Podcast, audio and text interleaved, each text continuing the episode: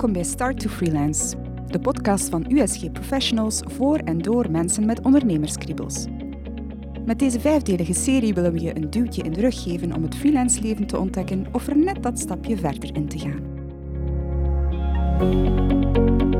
In deze vijfde aflevering staat gezond en duurzaam ondernemen centraal. Hoe bewaak je je eigen grenzen? Bestaat er zoiets als een perfecte work-life balans? En slim time management, wat houdt dat eigenlijk in? Joke Janssens vraagt advies aan psycholoog en ondernemer Elke van Hoof. Met Huis voor Veerkracht biedt Elke expertise en training rond omgaan met stress en het vergroten van je vitaliteit en professionele veerkracht.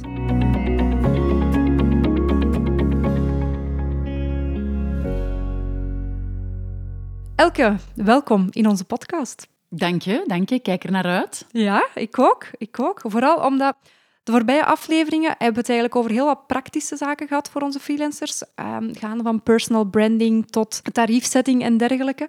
Maar heel veel van de startende ondernemers die ik ken, ja, dat zijn heel gedreven mensen, die gaan er 100% voor. Nu, die hebben daar ook nog ergens een financiële stress. En stress ga ik wel klanten vinden. En ik merk dat heel veel startende freelancers heel veel aanpakken, er heel hard voor gaan, maar het topic welzijn vergeten. Dus vandaar dat we ook een aflevering wijden aan uh, dit topic. En in de voorbereiding hebben we het hier al een stukje over gehad. En ik bracht dit topic aan als work-life balance, maar daarop zei je nee, ook. Ik bekijk dit eerder vanuit work-life integratie. Maar kan je voor onze luisteraars daar is het verschil of het, uh, jouw verklaring aan geven. Welzijn, denk ik, voor freelancers is een van de hefbomen tot duurzaam succes. En het klopt dat wanneer je start als freelancer, denk je vooral met de euro's in de ogen. En dat is natuurlijk heel erg logisch. Je moet nog reserven opbouwen, je moet je markt nog claimen. En dat kan dus allemaal wel. Maar we moeten gaan voor een marathon en geen sprint.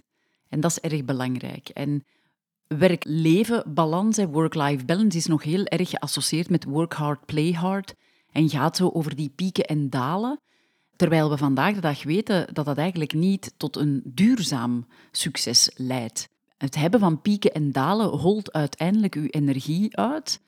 Terwijl dat ik dan de kaart wil trekken van work-life integration, zorg ervoor dat je eigenlijk flexibel kan zijn door een zeer goede richting te hebben bepaald en eigenlijk continu de opdrachten daartegen afspiegelt. En dat houdt in dat je misschien wat meer voorbereidingstijd gaat hebben met de klanten om goed te bevragen van waar gaat dit over, wat verwachten we, tegen wanneer verwachten we dat. En dus niet direct in het diepe springt, maar eerst even gaat kijken hoe diep is dit zwembad, is dit wel een zwembad waar ik in wil springen. En waar je ook vooral de kaart trekt van open en transparant communiceren. Want deadlines worden altijd opgesteld zonder de realiteit erbij te betrekken. Langs alle kanten trouwens. En die realiteit moet toch ook wel als belangrijke factor daarin worden meegenomen. Dus van mij, work-life integration staat dan eigenlijk voor een goede richting bepalen op voorhand. En vandaar een goede communicatiestrategie die fair is en die wel voldoende flexibiliteit inhoudt, zodanig dat je eigenlijk een marathon kan lopen en niet de ene sprint na de andere moet trekken. Waardoor je veerkracht uiteindelijk ja, naar beneden gaat. Ja, en u dan ook nog aan die strategie houden. En u ook aan die strategie houden. En daar knelt hem het schoentje ja, natuurlijk. kan ik me voorstellen, ja. Want ons brein is dan zeer vernuftig ingezet. We hebben last van wat we noemen het rebound-effect. Dat wil zeggen, als ik een tijdje heel goed mijn eigen regels heb gevolgd, dan laten we die even schieten en dan gaat het de hele andere kant uit. Dus we, mogen, we moeten flexibel zijn, maar toch heel erg gericht. En dus raad ik eigenlijk iedereen aan om een strategie te ontwikkelen waar je 10% van je tijd, of zelfs hè, om het zeer praktisch te zetten, 10 minuten per dag, heel erg gefocust gaat nadenken van welke richting wou ik uitgaan, zodanig dat je altijd gaat voor die 1% verbetering per dag. En niet die grootse wijzigingen die je dan ziet gebeuren. Hè? Want dan hebben we pieken en dan hebben we dalen, want het gaat niet meer. En dan gaan we ons leven helemaal omgooien. En dat vraagt natuurlijk ook heel veel energie. Ook daar, wil je een marathon lopen, ga dan die mindset ontwikkelen van 1% verbetering per dag. Als je 1% verbetering nastreeft, 365 dagen lang, dan ben je na die 365 dagen bijna 40% vooruit gegaan ten opzichte van de startdag. Doe je dat niet, ja, dan ben je onderhevig aan die golven van succes, maar ook die dalen van Ja. pijn en lijden en afzien en verlies van veerkracht. Dus het is wel helder dat we naast een goede strategie gewoon die strategie elke dag maar 1% gaan verfijnen en niet meer. En hoe pak je dat dan concreet aan? Dat is in 1% dat gaat over je strategie, of kan dat elke dag een ander onderwerp zijn? Of hoe moet ik me dat voorstellen? Heel concreet, dat voorstellen gaat over, ja, natuurlijk, waar is uw core business? Welk ei wil jij als freelancer leggen? Welke expertise wil je ten volle gaan uitbouwen? En dan de focus gaan vastleggen per jaar. In die expertise die je wilt uitbouwen, welk ding pak je in 2022 aan? En dan elke dag 10 minuten de focus leggen op en hoe kan ik daar 1% beter in worden? Niet alles tegelijk, maar maar 1% beter. Ja. En dat gaat ook helpen om een goede communicatiestrategie met je klanten te hebben. Want dan ga je ook de kans dat je gaat overstellen, Ja. die gaat heel klein worden. Omdat je net die focus houdt op het 1% beter te doen. Ja. En op het einde van de rit ben je dan, heb je een voorsprong genomen op al de rest, die wel de work hard, play hard strategie nog altijd toepassen. Ja, hè. ja. Het is ook een beetje de metafoor van de haas en de schildpad. Ofwel ga je heel hard rennen en denk je, dat komt hier allemaal wel goed, maar kom je dan een diep tegen, waardoor je enorm veel verliest. Ofwel zijt je die gezapige schildpad die gewoon gaat voor die 1% per dag en wint je alsnog de race met voorsprong op het einde van de rit. Ja, mooi. Mooie metafoor. Nu, die flexibiliteit waarover je spreekt, dat betekent ook dat je als freelancer ook nee moet durven zeggen. Dat betekent dat je als freelancer ook nee moet durven zeggen. Maar als je een goede dat is niet strategie altijd hebt, gemakkelijk, hè? Dat is niet altijd gemakkelijk. Wat helpt, is dan een strategie te hebben. En een strategie die verder gaat dan het financiële natuurlijk. Hè. Ja. Soms, als je eh, wilt beter worden in een domein, is visibiliteit krijgen voor dat domein ook belangrijk. En misschien meer waard dan een euro die je gaat krijgen. Maar ook de tijd die je gaat nodig hebben om te komen tot het resultaat. Hè. En dus die strategie moet inhouden van ga ik er geld mee verdienen, ga ik er visibiliteit mee krijgen of iets anders. Maar je moet dat wel op voorhand beslissen en je daar dan aan houden. Ja. Want ja, de verleidingen zijn natuurlijk enorm groot. En de kracht van de freelancer zit hem dikwijls ook net in, out of the box te denken, Ja. beïnvloedbaar te zijn. En ja, ook wel wat onzeker te zijn. Hè. Die work hard, play hard strategie zorgt er wel voor dat je altijd je agenda gaat nalopen en dat er ook onvoldoende tijd is om na te denken, ben ik wel goed, ben ik wel goed genoeg? En het is vaak ook vanuit onzekerheid dat men dan ook allerlei opdrachten gaat aannemen, omdat die op heel korte termijn een goed gevoel geven. Je krijgt eigenlijk een shot van cocaïne binnen in je brein, dopamine weliswaar, hè, Ja. maar wel even verslavend Ja, klopt. met dat, dat goed gevoel. En dat zorgt ervoor dat heel veel freelancers heel snel weer Ja. van die strategie gaan afwijken, omdat ze dan liever die goed gevoel hormonen hebben dan zelf een duurzame strategie te gaan najagen. Ja. Nu hebben we het inderdaad al gehad over flexibiliteit, out-of-the-box denken, houden aan strategie. Wat zijn volgens jou nog belangrijke skills voor startende freelancers? Een goed zicht hebben op uw witte tijd is essentieel. En witte tijd, Ja. dat is eigenlijk nog beschikbare tijd. En dat is altijd een oefening dat ik mensen meegeef. Dat gaat over een Excel maken, hè? waarin dat je van uur tot uur, of zelfs van minuut tot minuut als het moet, al uw activiteiten dat je doet op een dag een keer oplijst. En elk type activiteit krijgt een kleur. Zelfzorg, dat is opstaan, uw kleren aandoen, geel. Ontbijt en alles met eten, oranje. Vervoer, verplaatsingen, rood. Zo, alle dingen krijgen een Ja. kleur.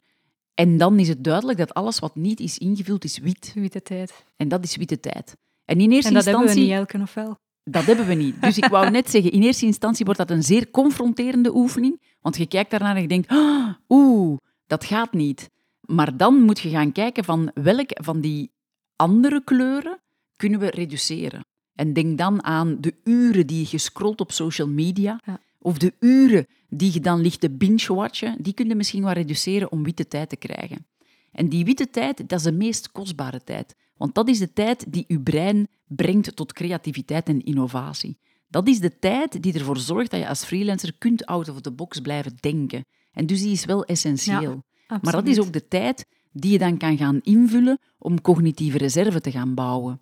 En cognitieve reserve bouwen is heel makkelijk om te doen, Want het gaat eigenlijk alleen maar wat zijn de dingen die je eigenlijk nog in je leven allemaal wilt doen. Ja. En iedereen zou minstens per drie maanden iets nieuws moeten proberen. Dat zorgt voor nieuwe netwerken in je brein en bouwt zo ook echt duurzame Ah. veerkracht uit. Super.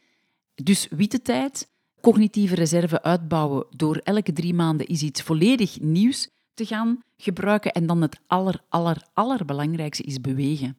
Elke dag 30 minuten matige beweging aan één stuk is het absolute minimum. Oké. Want als freelancer verbruik je heel veel energie. Je moet die energie terug gaan aanvoeren, gaan voeden. Maar je moet er ook voor zorgen dat die stresshormonen, de negatieve stresshormonen, de afvalstoffen die daarmee gepaard gaan, Ja. dat je die ook terug kunt verwijderen uit je brein. En dat doet je door bewegen. Heel simpel, maar we vergeten het vaak. En dus raad ik ook alle freelancers aan om alles wat je kan doen, dat je één op één overleg hebt, om dat al wandelen te doen, dat is al winst. Ja. Zorg er trouwens ook voor dat je op een hele andere manier gaat praten met je gesprekspartner. Je komt veel sneller tot de kern van de zaak, omdat je aan het wandelen bent.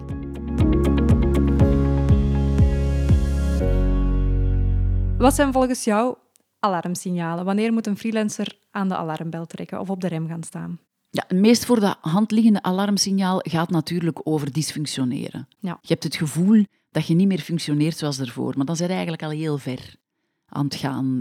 Gelukkig hebben we daar wel wat signalen voordien en ik gebruik daar dan de APGAR-score voor. De APGAR staat natuurlijk vooral bekend om zijn werking op de neonatologie, om Klopt, te kijken ken of pasgeboren baby's levensvatbaar zijn. Maar je kan het ook gebruiken als acroniem om te zien van hoe doe ik het. En het is trouwens een oefening dat ik ook elke eerste dag van de maand doe. Oké. Dus de eerste dag van de maand pak ik 10 minuten om mijn eigen APGAR-score te berekenen. En op basis daarvan ga ik beslissen of ik meer hersteltijd nodig heb of niet. Of ik gewoon gezellig kan verder doen, of misschien zelfs nog een tandje kan bijsteken. En die APGAR staat voor Appearance, Performance, Growth, Affect en Relationships.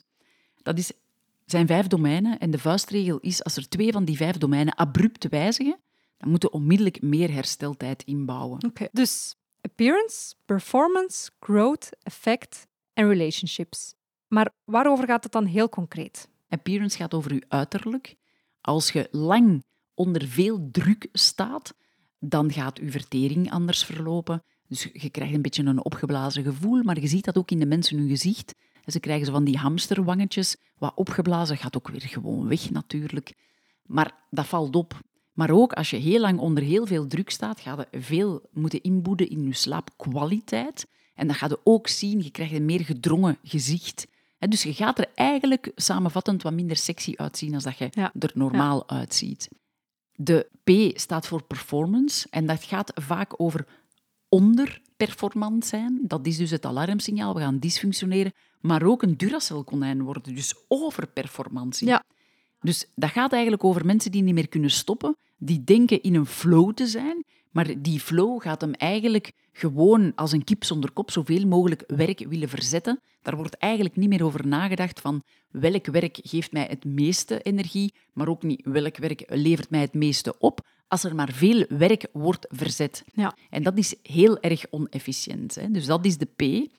En dan heb je de growth. En de growth gaat over het willen, maar ook kunnen nieuwe informatie opnemen.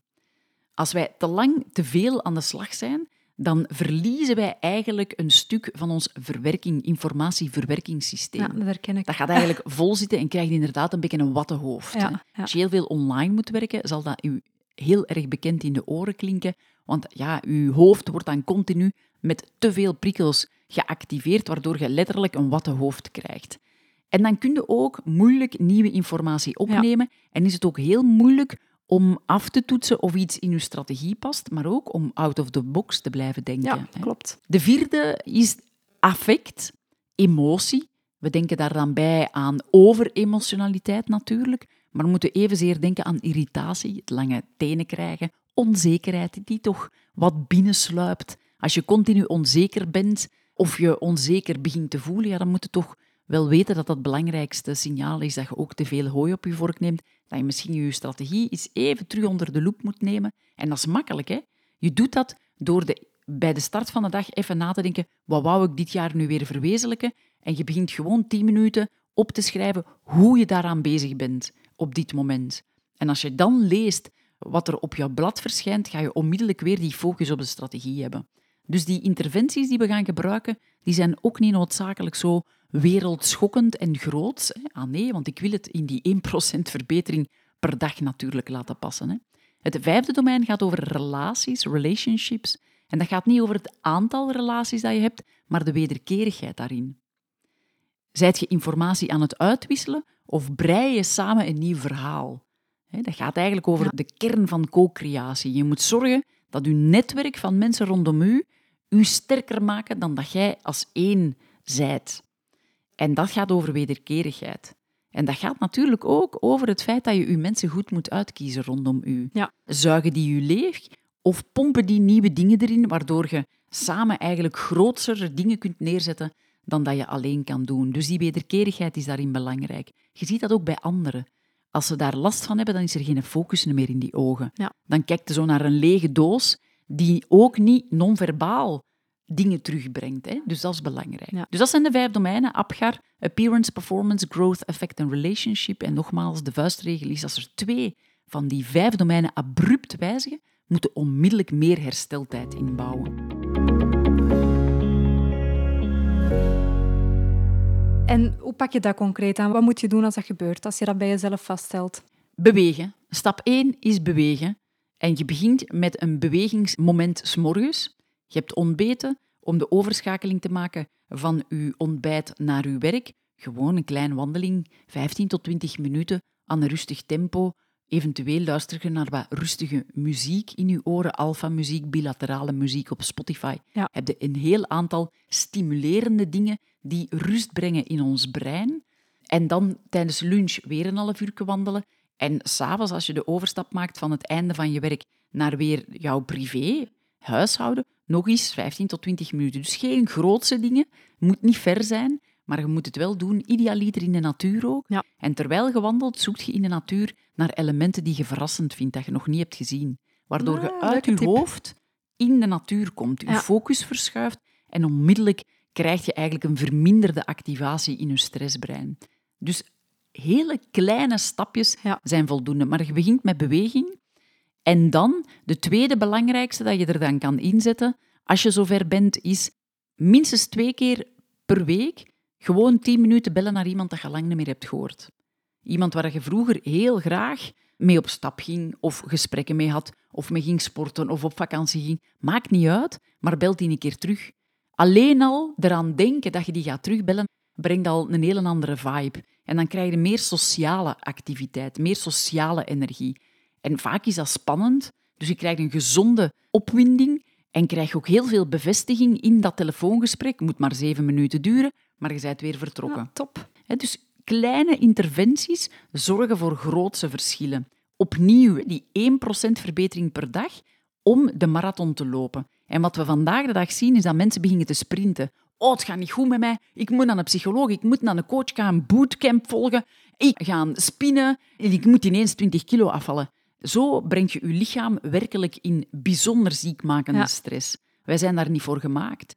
Je moet kiezen voor die 1% verbetering per dag. En dat ga je dan heel consequent volhouden. En dan zie je eigenlijk, zelfs na de eerste week, al een waanzinnige verbetering. En die verbetering begint eerst met rust in je hoofd. En dat is iets waar je dan ook moet gaan op zoek naar gaan. Hè? Want mensen vinden rust in hun hoofd vanzelfsprekend. Maar natuurlijk, als je die eerste alarmsignalen vertoont, is dat niet vanzelfsprekend. Nee, nee, nee. nee. Dus ik raad mensen aan om heel goed voor zichzelf hun alarmsignalen ook eens heel goed op te lijsten. En evenzeer op te lijsten hoe hun lichaam werkt, functioneert, als ze zich goed voelen.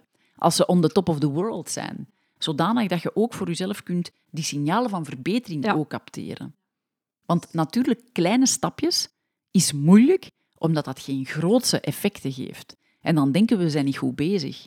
Maar die kleine stapjes, die 1%, 365 dagen, zorgt wel voor 40% Dat is verbetering. gigantisch eigenlijk. Hè? Ja. Super interessant. Ik heb hier al heel veel tips dat ik meeneem. De strategie bepalen en u daaraan houden. Voldoende bewegen, de 1% verbetering tip.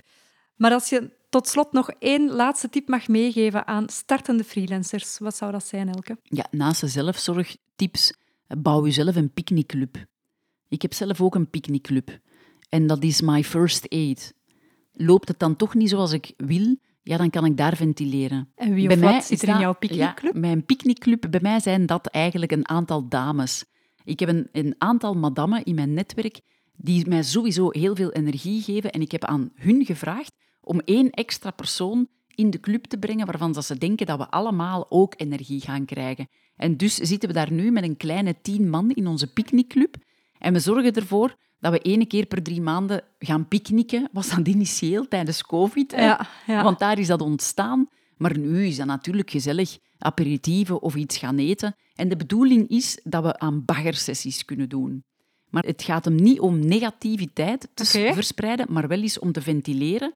En dan gaan we elkaar heel actief helpen, herinneren aan de goede dingen, leuke herinneringen samen opbouwen. Dus dat is super inspirerend.